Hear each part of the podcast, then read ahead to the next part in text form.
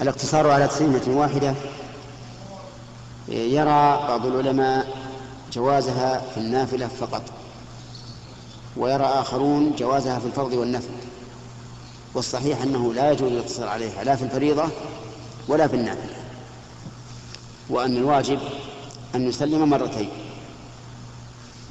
لأن النبي صلى الله عليه وآله وسلم كان يسلم من الصلاة مرتين ويقول صلوا كما رأيتموني أصلي. فكون النبي صلى الله عليه وآله وسلم يواظب على